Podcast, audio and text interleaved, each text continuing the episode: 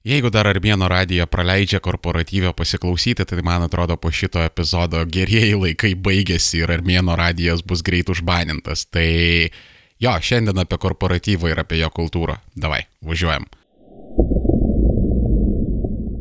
Žinai, mano mielasis, mislingasis ir keistasis klausytojau, Aš turiu truputėlį problemų su pačia korporatyvinė kultūra, nes pastaruoju metu maždaug šitame dešimtmetyje, taip grubiai išnekant nuo 2010 ir aukštyn, atėjo ta tokia Silicon Valley korporatyvinė kultūra. Jis prieš tai pakeitė buvusią tokia pilka, tokia niuri, tokia sunki, tokia opresinė, prieš tai buvo korporatyvinė kultūra, dar prieš tai buvo tokia e, pusiau sovietinė, kur būdavo koksai nors keulinas bosas, kuris ten ant visų riekia, visus terrorizuoja, visada nepatenkintas.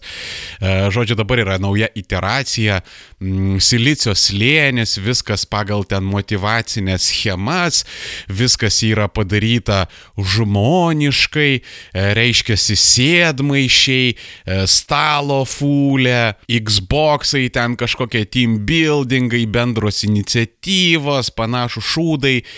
Ir va šitas reikalas mane jisai žiauriai bėsina, nes prieš tai buvusios tas korporatyvinės kultūros, jos buvo pakankamai aiškios, ne? Pati pirmoji, kuri ten atsirado 90-ųjų pradžioje, buvo visada nepatenkintas tavim bosas, uh, tu irgi savo elgesiu jam parodydavai, kad žinai, ką eiktų nahui, tu man visiškai neįdomus, aš čia tiesiog ateinu uždirbti pinigų.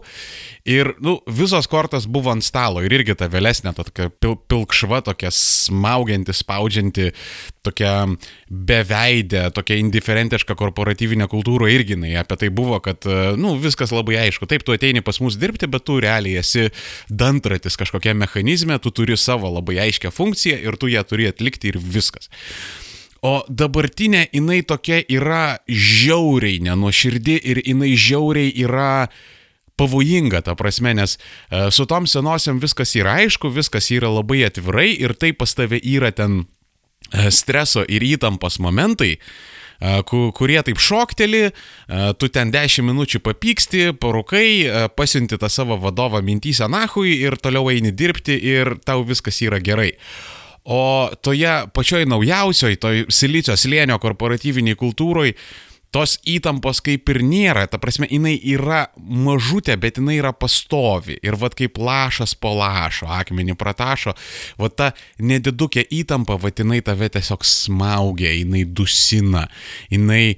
Uh, Čia yra kaip kokios nors smalkės, kurių ten nepamatysi, neužuosi, bet jos tave po truputį, po truputį dusina ir žudo. Ir todėl daugelį didelių korporacijų yra susiformavęs toksai keistas darbdavio kultas.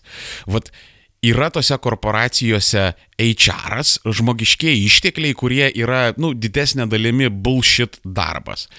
Nesakau apie visus, nesakau, kad kiekvienas HR-ininkas yra toksai, bet taip grubiai sugeneralizavus, grubiai paėmus, tai yra bullshit jobsas. Nes anksčiau HR reikėdavo todėl, kad, nu, būdavo daug papirizmo, ten visokius tabelius pildyti, ten žurnalus pildyti, viską ten siūsti kokiai nors sodrai, ten derint korespondencijas ir panašiai.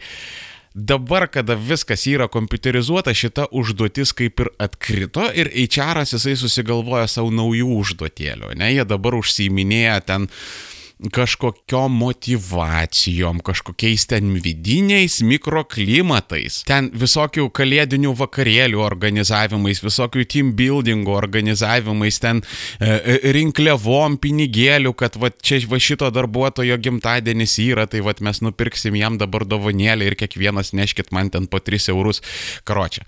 Uh, HR'as tam, kad pateisinti, vėlgi taip grubiai generalizuojant, tam, kad pateisinti savo egzistavimą, prisigalvoja daug visokiausių ten papildomų užduočių, kurių realiai kaip ir nereikia, tai yra balastas ir jisai patapo tokiu vidiniu korporatyviniu gestapu. Nes galbūt tu, mano gerasis klausytojų, turbūt esi papuolęs į tokią situaciją, kai vat, dirbi ten korporacijai, kažkokį parašiai postą Facebook'e, galbūt jisai yra kažkoks piktesnis, galbūt kažkoks nemalonesnis. Ir vat, tave sekančią dieną pakviečia HR e Ir jinai tau leidžia suprasti, kad, um, nu, gal tu tokių dalykų nerašyk. Ant tavęs nereikia, tau pizdai niekas neduoda, bet vad leidžia suprasti, kad tu esi kompanijos veidas. Ir tau reikėtų atsargiau žiūrėti, kokią tu žinutę komunikuoji žmonėms. Ir apskritai tas įčiaras užsijama, kad, ta prasme, pas tave būtų kažkoks toks excitementas savo kompaniją, kad tu, tu esi ne šiaip darbuotojas, tu esi ten UAB čia slodos projektų vadovas vadovas. UAB Česloda tai yra dieviška mana, tai yra pati geriausia korporacija pasaulyje jinai sprendžia žmonių likimus, jinai pakeis pasaulį, jinai vad kūrė revoliucinius dalykus ir tu esi ten ne šiaip projektų vadovas, o UAB Česlodos projektų vadovas ir vad tu turi, tu turi pajusti tą vaibą ir tu turi būti labai labai susižavėjęs viskuo, ką daro tavo korporacija ir tau viskas turi patikti. Ir uh, būna aš kartais vad gyvenime, galbūt ir tu uh, gyvenime sutinki vad tokių žmonių, kurie papuola į tą tokią darbdavio sektą, kuriems išplauna smegenis ir, tarkim, kokiam social occasionse, ten gimtadienyje, vestuvėse ar kažkur, tu sutinki tą žmogų, kuris, vat, kurio tapatybė yra jo darbo vieta. Vat tu turbūt žinai, apie ką aš kalbu, ten koksai nors, nežinau, nekilnojamo turto brokeris ar ten koks draudimo brokeris, kur su juo šneki ir jisai ištisai kalba apie savo darbą. Jisai ištisai kalba apie savo kompaniją. Ir jisai ištisai bando tau įsiūlyti kažkokias paslaugas. Vat žiūrėk, vat čia aš tau galiu ten tokį draudimo polisiuką ten pasiūlyti. Vat man paskambink pirmadienį, mes derinsim pokalbį, mes ten viską išspręsim. Ar čia vat mes tau pensijų ten fondo kokią nors schemutę galim padaryti labai ekskluzyvinę. Ir Ir dažniausiai jie paduoda tau vizitinę kortelę ir tu supranti, kad tas žmogus atėjo į kažkokią tai šventę. Jisai atėjo, nu, pabendrauti, atsipalaiduoti, bet jisai pasiemė savo tas fucking vizitinės korteles. Jisai jas turi su savim visada. Ir jisai visada netvarkina. Jis visada netvarkina, va jam statyti netvarkus yra svarbiausia. Ir va viskas, ką tu su juo šneki, tai va yra jo darbas. Ir tos naujosios korporatyvinės kultūros, esmė, ta raison d'être yra maždaug apie tai, kad vat, sukurti tą naująjį žmogų, sukurti tą vat, korporatyvinį homunkulą, kuris savo visą tapatybę, identitetą iškeisi kažkokį korporatyvinį šūdą. Ir sakau, man šitie dalykai žiauriai nepatinka, nes tai yra žiauriai nesažininga ir tai yra žiauriai apgaulinga iš esmės, nes darbuotojas ir darbdavys, jie yra realiai viens kitam antagonistai. Jie realiai ir fundamentaliai yra e, tokiuose konfliktiniuose santykiuose, nes darbdavys iš darbuotojo nori, kad jisai kuo daugiau dirbtų ir kuo mažiau norėtų pinigų už tą savo darbą. Darbuotojas savo ruoštų nori atvirkščiai, jisai nori kuo mažiau dirbti, bet tuo pat metu, kad darbdavys jam kuo daugiau sumokėtų pinigą už padarytas užduotis. Ir ten ta visa telėga, kad aš dabar, žinai, esu tau ne darbdavys, aš esu tau draugas, aš esu tau pagalbininkas, aš, vad, nu, davai darykim kažkokius draugiškus santykius, tai yra apie kažkokius bulšitus, čia kaip, nu, tipo žydai ir antisemitai turėtų draugauti ir sutarti, tai yra visiška nesąmonė, nesakau, fundamentaliai yra tas konfliktas. Ir mano grinai subjektyvę nuomonę, aš galbūt šitoje vietoje klystu, bet mano grinai subjektyvę nuomonę, mano mielasis nuostabusius klausytojų.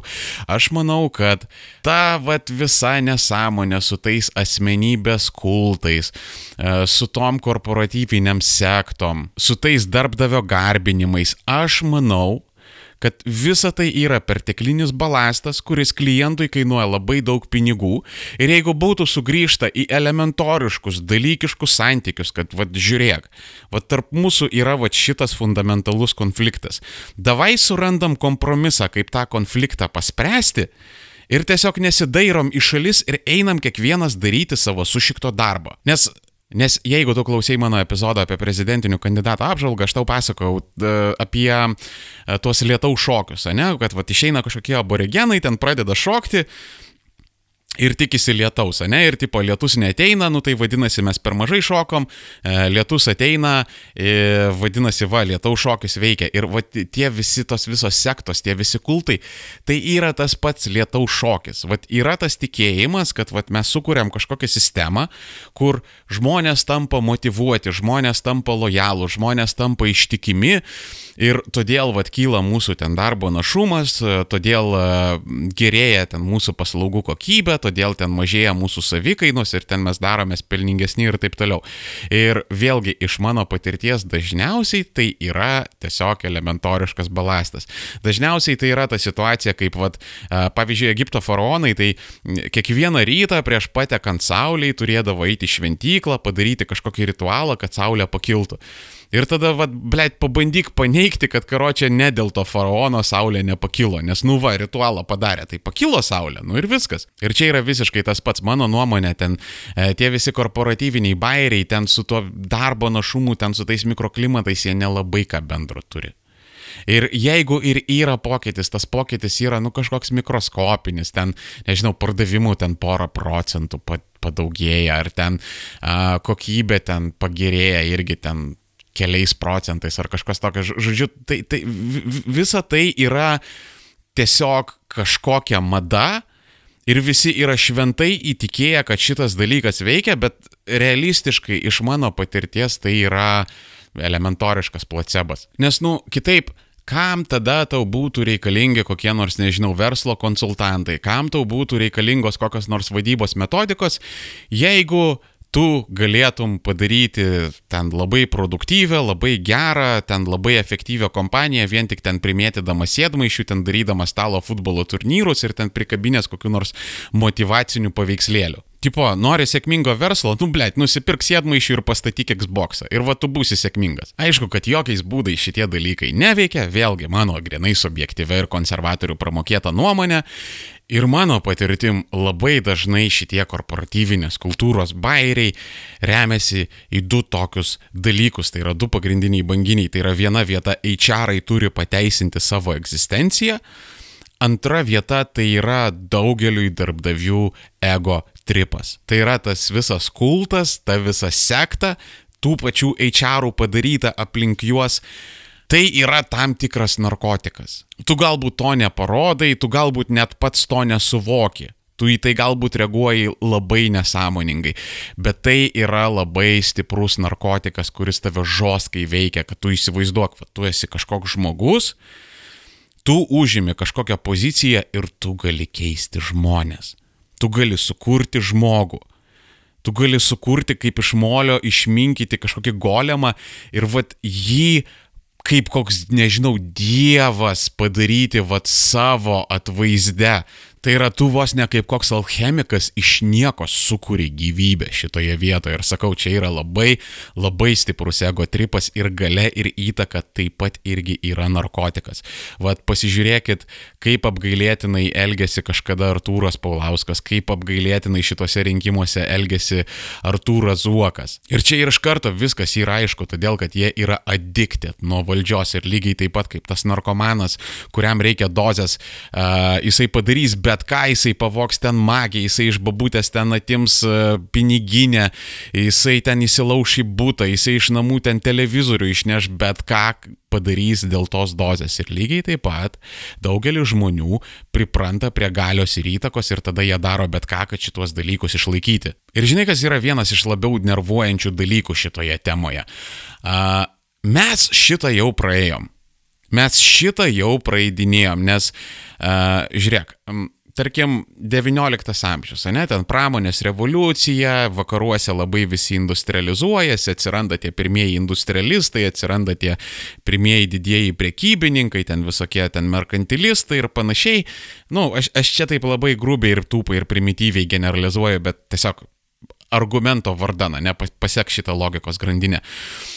Atsiranda tie vat, visi tokie didieji ten manufaktūrininkai ir fabrikantai ir tuo metu jie nebuvo laikomi verslininkais, tuo metu iš jų buvo tikimasi, tai yra visuomenė ir establishmentas iš jų tikėjosi, kad šitie žmonės uh, tiesiog neis ir nesieks uh, pelno, ne? nes pelnas tuo metu tai buvo nu, toks labai vulgarus dalykas, apie jį niekas nešnekėdavo. Uh, tuo metu buvo tikimasi, kad va, šitie didieji fabrikantai, jie bus uh, savo bendruomenės ramščiai, kad jie bus savo bendruomenės šviesuliai, kad va, jie savo tose fabrikuose kad jie ne tik kurs darbo vietas tom savo nepraustoms masėms, bet tuo pat metu jie to žmonės lavins, jie to žmonės protins, jie to žmonės civilizuos, jie iš jų padarys gerus piliečius. Ir vad lygiai tie patys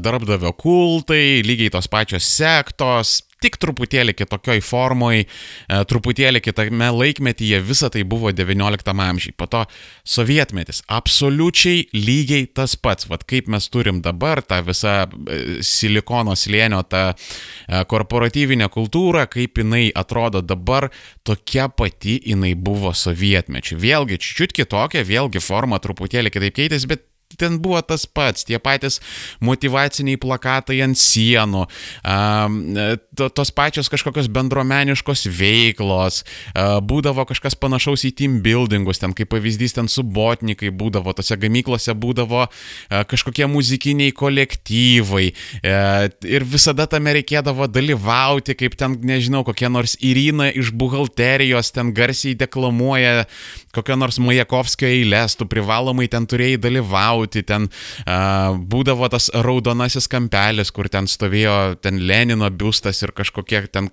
kabėjo ten vėliavėlės, ten ženkliukai, dar kažkas. Uh, tai lygiai taip pat ir dabartiniai korporatyviniai kultūrai, vad kaip ir nėra to raudonojo kampelio, bet visada yra ten koksai nors whiteboardas, ant kurio ten yra prirašyti kokie nors inside joke iš tos korporacijos, kad vad Evaldas vėl šildėsi žuvį mikrobanginėje, ten šipsniukas ir šipsniukas žodžiais parašytas ir dar saulytė kokia nors pripiešta ir ten visiems, oi kaip blėt juokinga, oi kaip visi juokiasi sovietmečių, tarkim, ten būdavo uh, visokie ten Stachanovai ir Stachanoviečiai, ten pastoviai tas gamyklas atveždavo ten kokį nors uh, Sovietų sąjungos herojų ar ten ko, kokį nors, nežinau, uh, kalnakasi, kuris ten prikasė kažkiek ten tonų anglies ir dabar jisai turuoja per visą tą Sovietų sąjungą ir iš popieriuko skaito ten motivacinės kalbelės ten apie partiją, moralę ir tėvynę. Ir lygiai taip pat dafiga korporatyvinio planktono yra išvaromi ten į kažkokius ten biznes treningus, ten į kažkokias konferencijas, ten apie marketingus, apie ten įtakas, kur tipo stovi koksai nors gūrų ir tik esminis skirtumas, kad tas gūrų ne šiaip ten kažką nykiai iš lapuko skaito, bet jisai ten toks yra, tipo, jo, jeigu tu nori būti motivuotas, tai tu turi motivuotis. Ir jeigu tu motivuosies, tu būsi motivuotas. Ir motivuok kitus tam, kad galėtum pat save motivuoti motivuoti ir kiti, jeigu tave motivuos, tu pats save motivuosi ir tu tada motivuosi kitus. Kur jūsų rankos? Jie! Yeah! Atsistokim visi, pasakykim dabar, aš esu motivuotas, aš garsiau, aš esu motivuotas. Nu, vat, nu, tokie vad bairiai yra ir sakau, nu, forma principė keičiasi, bet vėlgi esmė yra ta, kad vat, yra kažkoks juridinis subjektas ir uh, tas juridinis subjektas, jisai vat, uh, tuos žmonės, kurie pas jį ateina, jisai turi pakeisti. Jisai turi atlikti kažkokią tais socialinę misiją. Va dabar irgi labai madinga, labai daug korporacijų jos apsivinioja tom visom vizijom, misijom, vertybėm.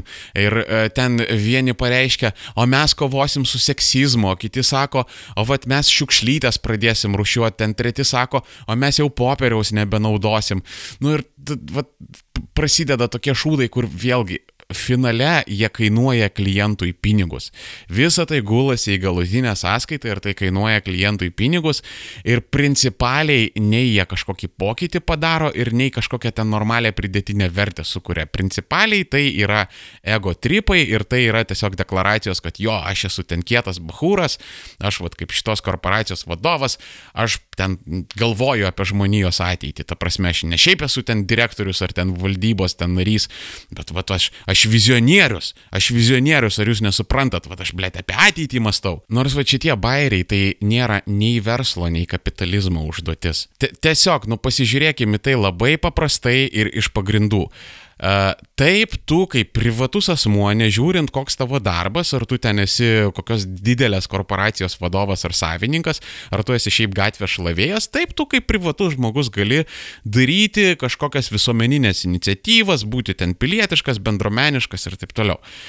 Bet tavo kaip po verslininko užduotis tai yra generuoti pelną, nes, nu, te, tiesiog paim pasivartyk akcinių bendrovių įstatymą, kuris e, yra realiai parašytas e, pagal visus vakarietiškus akcinių bendrovių įstatymus. Tiesiog pasiskaityk ir tu pamatysi, kad ten apie jokios socialinės misijas, vizijas ir vertybės ten nieko neparašyta. Tu kaip tokios įstaigos vadovas, tu privalai savo ir kitiems dalininkams generuoti pelną, tu privalai rūpintis, kad tai veiktų ir viskas Viskas. Ta prasme, tai verslo viena užduotis yra pelnas, kita užduotis apskritai ne tik verslo, bet ir kapitalizmo. Kaip išspręsti tą esminę problemą, kad ištekliai yra riboti, bet žmonių norai yra neriboti. Kaip ir kur galima rasti kompromisą šitoje vietoje. Tai vad verslas ir kapitalizmas sprendžia šitus dalykus. Ir ten kažkokios socialinės misijos, ten kažkokie bendruomeniškumai, ten kit... Čia yra visiškai ne jo užduotis. Tam yra kitokios įvairios struktūros, tai gali būti valstybinės, nevalstybinės organizacijos, tai gali būti neformalūs judėjimai, tai gali būti atskiros atskirų žmonių iniciatyvos, bet tai vad yra šitų struktūrų užsiemimas ten keist pasaulį. Ir tai jokiais būdais nėra verslo ar kapitalizmo sušiktas reikalas užsiiminėti tokiais dalykais. Ir dabar tau gali pasirodyti, kad aš va čia stumiu ant kapitalizmo, stumiu ant verslo, stumiu ant korporacijų korporacijų, kad vad agituoju už kooperatyvus ar ten nežinau kokias ten uh, project vynus ir panašiai. Ne, jokiais būdais ne. Žiūrėk, šitoj vietoj yra truputėlis niuansų. Korporacijos jos yra būtinos. Nori to ar nenori, to, tai tie va dideli verslo subjektai, jie yra gyvybiškai būtini. A, tarkim, Taip, daugelį užduočių galima atiduoti smulkiam verslui. Ten visokia mažmeninė priekyba, galbūt net ir didmeninė priekyba, kažkokios paslaugos kasdienės, kažkokios kasdienio vartojimo prekes. Taip, visa tai be jokios abejonės galima atiduoti smulkiam verslui. Bet kada yra kalba apie infrastruktūrinius dalykus, ten nežinau, keliai, ten vandens tiekimas, elektros tiekimas, komunikacijos, bankininkystės visokios, inovaciniai dalykai, naujų ten technologijų kūrimai, naujų technologijų pristatymai į rinką, ne, kaip o ten mobilūs telefonai kažkada buvo į rinką pristatyti, kaip kažkada ten kompiuteriai buvo į rinką pristatyti, automobiliai buvo pristatyti į rinką ir, kaip, ir kad va šitie dalykai iš kažkokios kosminės inovacijos pataptų kasdienio vartojimo preke, tam reikia tų didelių, pilkų, opresinių korporacijų. Nes, supranti, jeigu tau, pavyzdžiui, ten tiekia vandenį kokia nors e, mažytė ten įmonėlė, ten su trim keturiais darbuotojais, tau yra visiškai nusišikt, kad pas juos yra labai geras inžinierius, labai fainas žmogus, labai įdomus, bet, vat, nu, jis, vat, savaitgalį truputėlį užtūsina, dabar biški guli athodnas ir, vat, nu, šiandien, žinok, vandenio tu neturėsi. Nu, galbūt ir rytoj. Nu, bet tikrai nedaug daugiau savaitės. Vat, po, po savaitės tikrai vanduo pas tave bus. Ir tau bus nusišikt, kad jisai yra faino žmogus, tau bus nusišikt, kad jie daugiau inžinierių neturi. Tu norėsi vandens čia ir dabar. Ir tam yra reikalinga kažkokia didelė mesinga korporacija, kad jinai spręstų tas tavo problemas, kad jinai turėtų resursą spręsti va tokius atėjusius čia pat. Čia vienas aspektas. Kitas aspektas - labai didelė žmonijos populiacija, galbūt net absoliuti dauguma jai nereikia laisvės. Ta prasme, laisvė jai yra kančia, tai yra nepakeliama atsakomybė, jie nežino, kaip su tuo dylinti ir taip juos užpisa dirbti tame korporatyve, bet tuo pat metu jie yra labai laimingi dėl to, kad vat, jie ateina į kažkokią struktūrą ir jiems viskas yra labai aiškiai reglamentuota.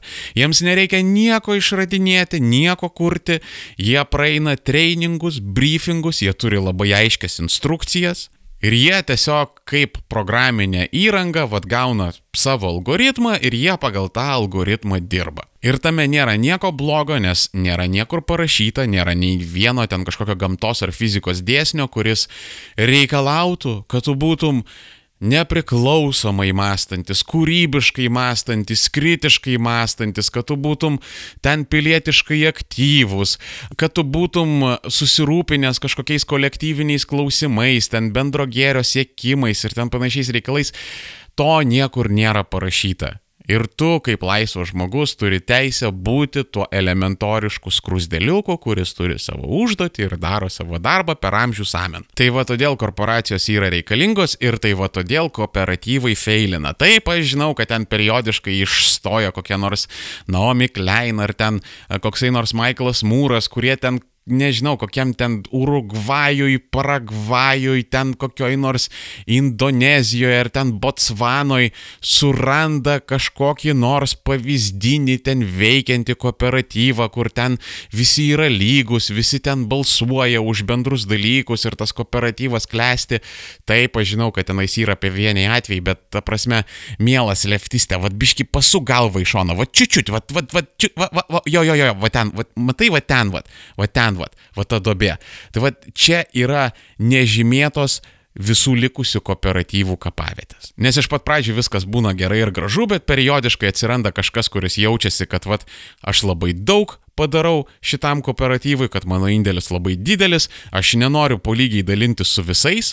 Čia atsiranda viena problema, kita problema atsiranda, kad vėlgi absoliuti dauguma žmonių jiems yra nusišikt. Jie yra visiškai patenkinti stovėdami prie konvejerio, ten sukdami gaikės ir jie nenori kvaršinti savo galvos ten su balsavimais dėl eksportinių rinkų, į kurias mes plėsimės, ar ten dėl kažkokių nors naujų proklamacijų, ar prisidėti prie naujų įmonės ten vertybių ar įstato kūrimo ir panašiai daugumai žmonių šitie dalykai yra nusišikta. Ant, ant popieriaus tai atrodo gražiai, bet po ten kelių mėnesių tai labai greitai užknisa ir dažniausiai įvyksta taip, kad natūraliai tam kooperatyvė viskas išsideleguoja, kad atsiranda kažkokia hierarchija ir tada tas dalykas pradeda veikti hierarchiškai ir arba transformuojasi ten į kokį nors privatų juridinį subjektą, kaip o ten UABas ar ten akcinė bendrovė, ir arba paprasčiausiai subyra ir subankrutuoja, nes atsirado hierarchija, pykčiai ir taip toliau ir panašiai. Tai iš esmės korporacijos jos yra neišvengiamas blogis, bet uh,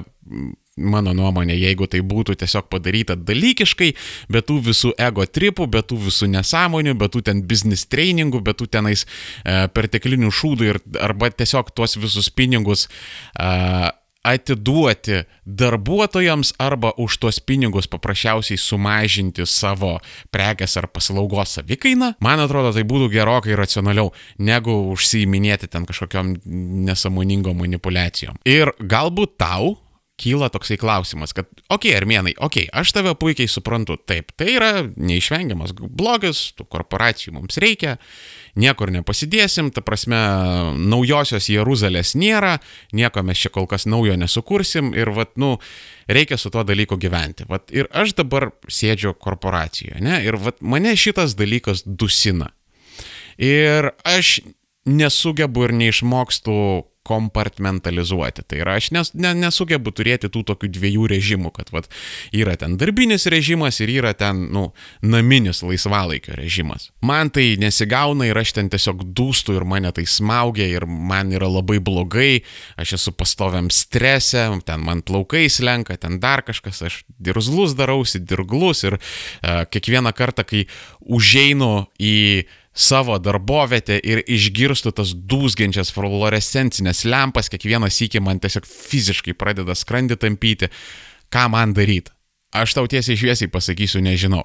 Labai, labai yra komplikuotas klausimas, bet galiu pafantazuoti. Pafantazuosiu, bet priimk šitą dalyką kaip fantazijas, elkis pagal save, galvok, domėkis, skaityk, tyrinėk opcijas, tyrinėk galimybės ir aklai neklausyk, ką ten armėnas šneka į internetą. Ir e, dabar ties, jeigu aš asmeniškai būčiau tokioje situacijoje, aš matyčiau keletą tokių opcijų.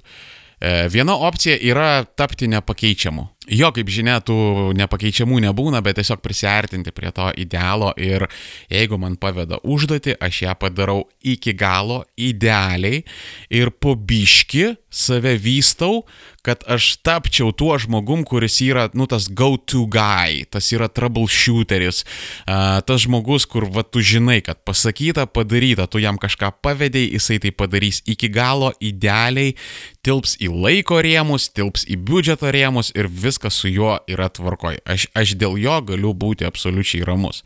Ir jeigu tu toks būsi kietas čiuvakas toje kompanijoje, tau bus leista būti juodąją avim. Tave toleruos. Vėlgi, čia generalizuoju dažniausiai.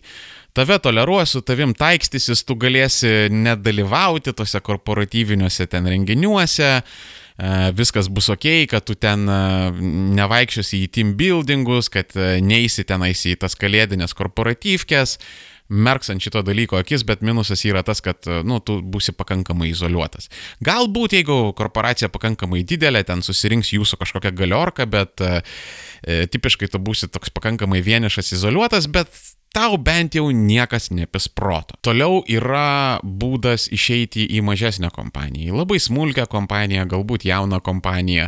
Ir ten kaip ir to korporatyvinio šūdo nebus, ten tos biurokratijos nebus, tu ten būsi laisvesnis. Labai dažnai ten tu turėsi direktorių, kuris tipiškai yra ir įmonės savininkas. Ir įprastai, čia vėlgi aš generalizuoju, įprastai jam tiesiog bus nusišykti ką tu darai, kaip tu darai, kol tavo užduotis yra padarytos, viskas su tavimi yra ok. Bet čia yra lasda su dviem galais, nes visų pirma greičiausiai to įsidirbti už mažesnius pinigus. Uh, toliau labai tikėtina, kad tau reikės pačiam visus dviračius išradinėti, nes kai tu ateini į didelę korporaciją, tu gauni viską nuo iki, kaip ir sakiau, ten visokie trainingai, instrukcijos, manualai ir taip toliau, ką ir kaip, ką daryti, visos sistemos paruoštos, visokie CRM, ERP jau yra padaryti, tu gausi apmokymus ir tu tiesiog ten savaitės bėgyje jau būsi įvaldęs visus pagrindinius dalykus ir ten be problemų galėsi dirbti dirbti. Kai tuo tarpu atėjus į mažesnę kompaniją, tau visą šitą sistemą reikės pačiam išradinėti. Kad greičiausiai tave pasisodins direktorius, ten kokią valandėlę jūs pasišnekėsit, įvesi temą ir principė nuspirs tave į gilesnę baseino pusę ir karočią tu pats turėsi mokytis plaukti.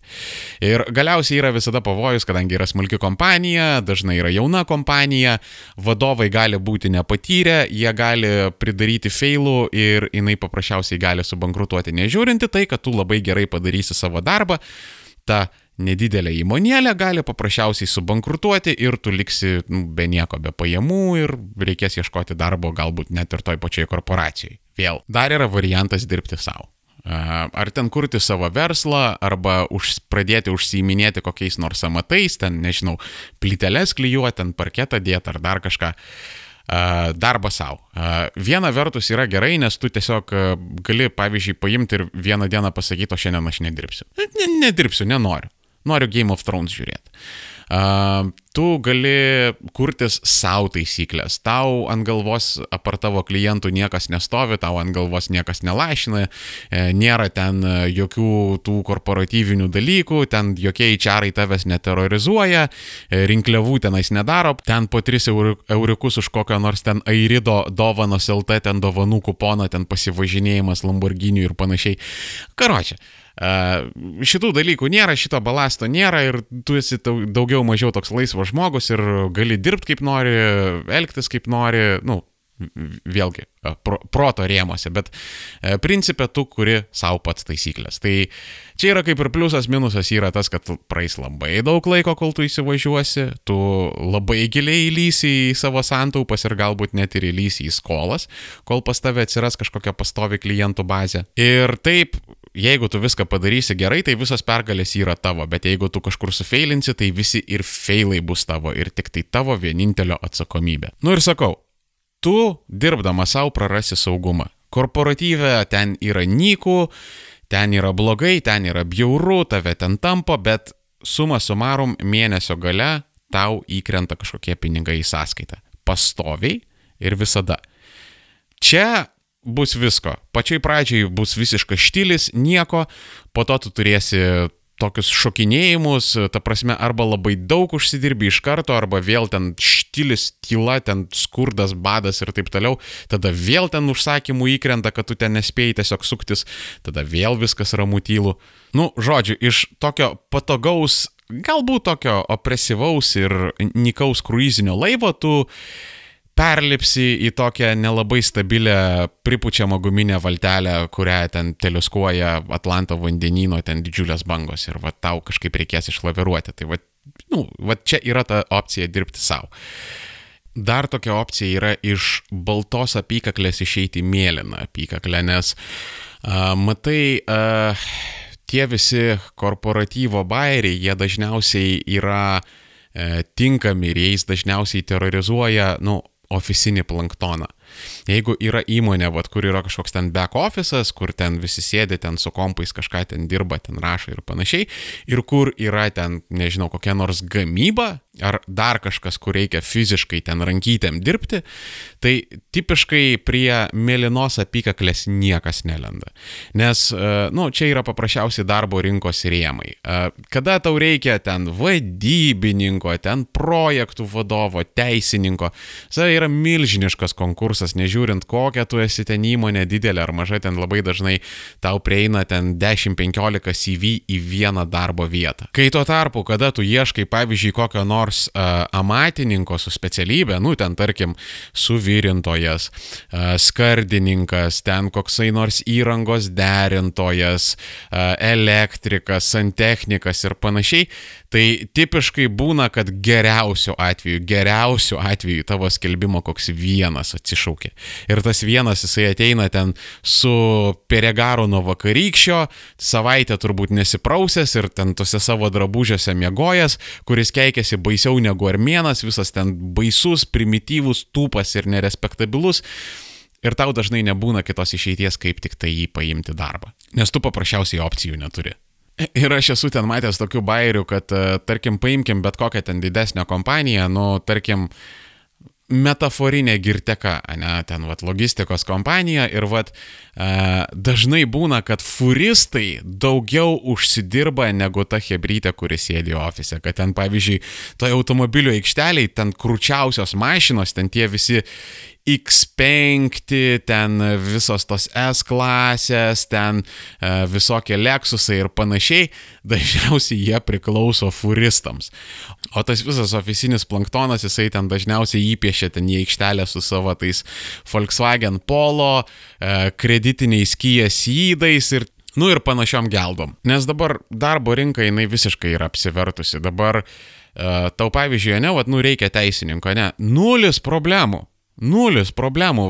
Va čia pat, dabar pat, bet kuriuo paros metu, viso, tau bus teisininkas. Ir ne vienas, va mes kakmenį į penkis pataikysi, visiškai jokių problemų. O tu pabandyk savo į namus išsikvies ant techniką. O tu pabandyk išsikviesti, kad tau skalbenkė va, dabar pat, va šiandien atvažiuotų ir sutvarkytų. Tai visų pirma, tu eiliai stovėsi ir visų antra, dar ne faktas, kad tau gerai sutaisys. Ir vėlgi ne faktas, kad tu pigiai už tą blogą remontą sumokėsi. Kad tu sumokėsi pakankamai daug ir tu turėsi ten praeiti ten 3-4 ten meistrus ar santechnikus ar elektrikus, tol kol rasi tą vienintelį, kuriuo tu galėsi pasitikėti ir tu turėsi taikstyti su tuo, kad tu ten lauksi mėnesį du, kol jisai atsilaisvins, kad padarytų tau kažkokį dalyką. Toks iš šito topikas. Jeigu tu dabar esi jaunas, ten abiturientas, baiginiai mokslus, tu va dabar ruošiesi eiti valstybinius laikyti, galvoji, kur čia dabar stoti ir kaip visada darai daugelio klaidą, kad uh, tu savo universitetą pasirenki ne pagal tai, kas tau patinka, ne tai, kas tave domina, arba tai, ką tu norėtum dirbti, bet tu labai dažnai pasirenki universitetą pagal galimas savo pajamas. Tai yra, koks išsilavinimas, kokia įstaiga, į kurią tu gali įstoti, duos tau didesnį atlyginimą tavo profesinėje karjeroje. Ir šitoje vietoje aš tau siūlyčiau pagalvoti apie profesinį išsilavinimą.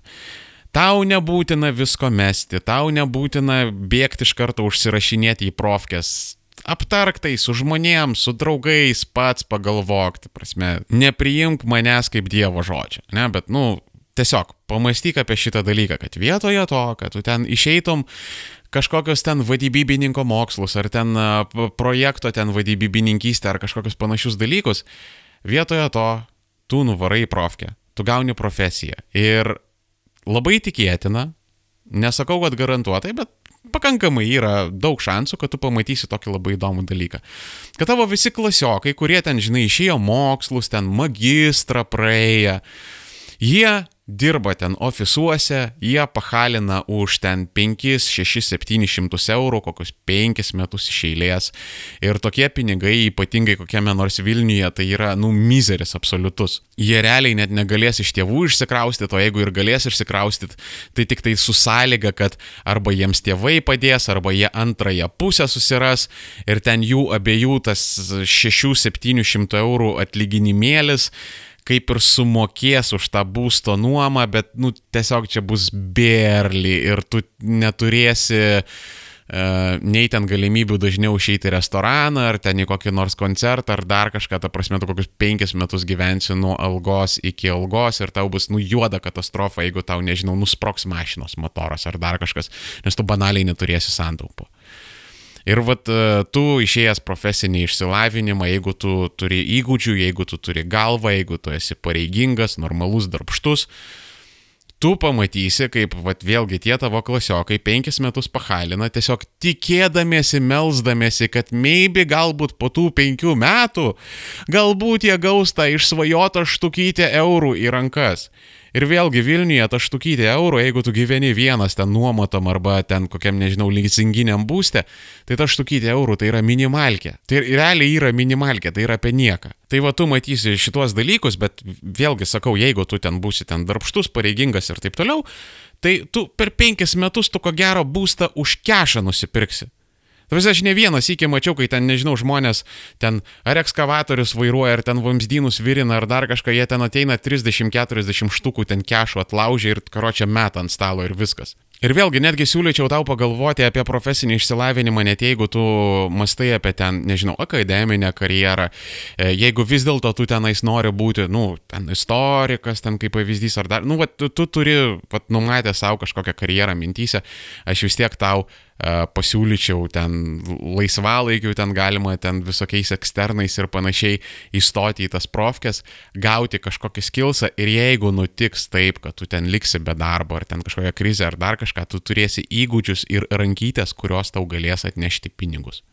Nes kada ten, nežinau, koksai vaidybininkas iš darbo išskrenda ir kada ateina krizė, jisai yra niekam nereikalingas, nes a, tos baltos apykaklės darbų paprasčiausiai nėra, o į mėlyną apykaklę jo niekas nepriims, nes, nu, va, jisai išsilavinimą turi, pas jį įgūdžių nėra, jisai galbūt bus ten pretenzingas, galbūt jis norės labai didelės algos. Geriau aš iš viso ten susirasiu čia kokį nors paprastą zimagorą iš rajono ir man bus daug ramiau, nes jisai nei tenais jisai per daug šakosis, nei jisai ten apie kažkokią savo teisės šnekės, nei jisai ten didelių algų norės ir bus pakankamai imlus ir e, galėsiu jį išmokyti naujų dalykų ir nebus šiaip kažkoks ten ofiso baltarankis. Tai čia yra tokia viena vietelė, kur tu galėtum pagalvoti, pamastyti, vėlgi, negalvo, kad tai yra klondaikas, kad tu čia dabar eisi ir ten e, kibirų semsi aukso grinuolius, nes, e, nu, kol, kol kas taip yra, ne, kol kas labai trūksta amatininkų, kol kas jie labai gerai užsidirba, arba palyginti neblogai užsidirba, jeigu jie yra aukštos kvalifikacijos, aukštos kompetencijos, turi e, daug reikalingų atestacijų, tai ten, nu, iš, iš viso sky's the limit, kiek jie ten gali užsidirbti, bet tai yra šiandien. Anksčiau ar vėliau ateis e, banga migrantų iš e, Ukrainos, Baltarusijos, Rusijos. Uh, tie migrantai ateis, jie ateis su tais pačiais įgūdžiais, bet su gerokai mažesniais įkainiais. Ir tau su jais reikės konkuruoti. Ir jeigu tu norėsi tam naujam pasaulyje išgyventi, tai, nu, vadinasi, tu turėsi labai gerai padaryti savo darbą ir labai gerai atitikti savo klientų lūkesčius. Nes kitaip, jeigu tu būsi toks vidutiniokas arba ten tas standartinis pizdabolas, kur ten iškvieti paklijuoti plyteles, pasijama avansą ir karočiai dinksta trim mėnesiams, o po to tas plyteles suklijuoja taip, kad jas ten po pusės metų pradeda atsilupinėti, Jeigu tu būsi vienas iš tokių, tai tave labai greitai nukonkuruos ir išstums nafik iš rinkos. Ką žinau, galim rezumuoti. Tipo, naujoji korporatyvinė kultūra yra šūdas, resursų švaistimas, ego tripai ir nulis rezultato, bet korporacijos yra neišvengiamai naudingos ir reikalingos, o bet tačiau iš ties iš tiesų, kadangi tu turi kaip laisvas žmogus tam tikrų opcijų, kurias gali apsvarstyti ir kurių gali imtis. Ne Šiaurės Korejoje gyvenam ir kaip anglosaksai sako, pasaulis vis dar yra tavo austrė. Ir viso, davai baigiam su šituo. Tai jo, Hebra, kam yra įdomu paremti Armėno radiją, visi linkai yra apačioje, mane galima ir per Patreoną paremti, ir kriptovaliutą, ir per Brave browserį, netgi per šitą galima padaryti. E, jeigu nenori padėti finansiškai, gali padėti pašėrindamas, pakomentuodamas, palaikindamas, dislaikindamas, ten taip toliau ir panašiai. Jeigu apskritai nenori padėti, irgi yra absoliučiai tavo teisė. Tu esi laisvas žmogus, darai ką nori ir tu man esi nieko skolinga šitam gyvenime. Bet kuriuo atveju, mano nuostabusis klausytojau, tikiuosi tau patiko, ačiū uždėmesi ir davai pasimatom kitą savaitę. Shabadabadashta. Shabadabadash, shabadabadash, shabadabadash,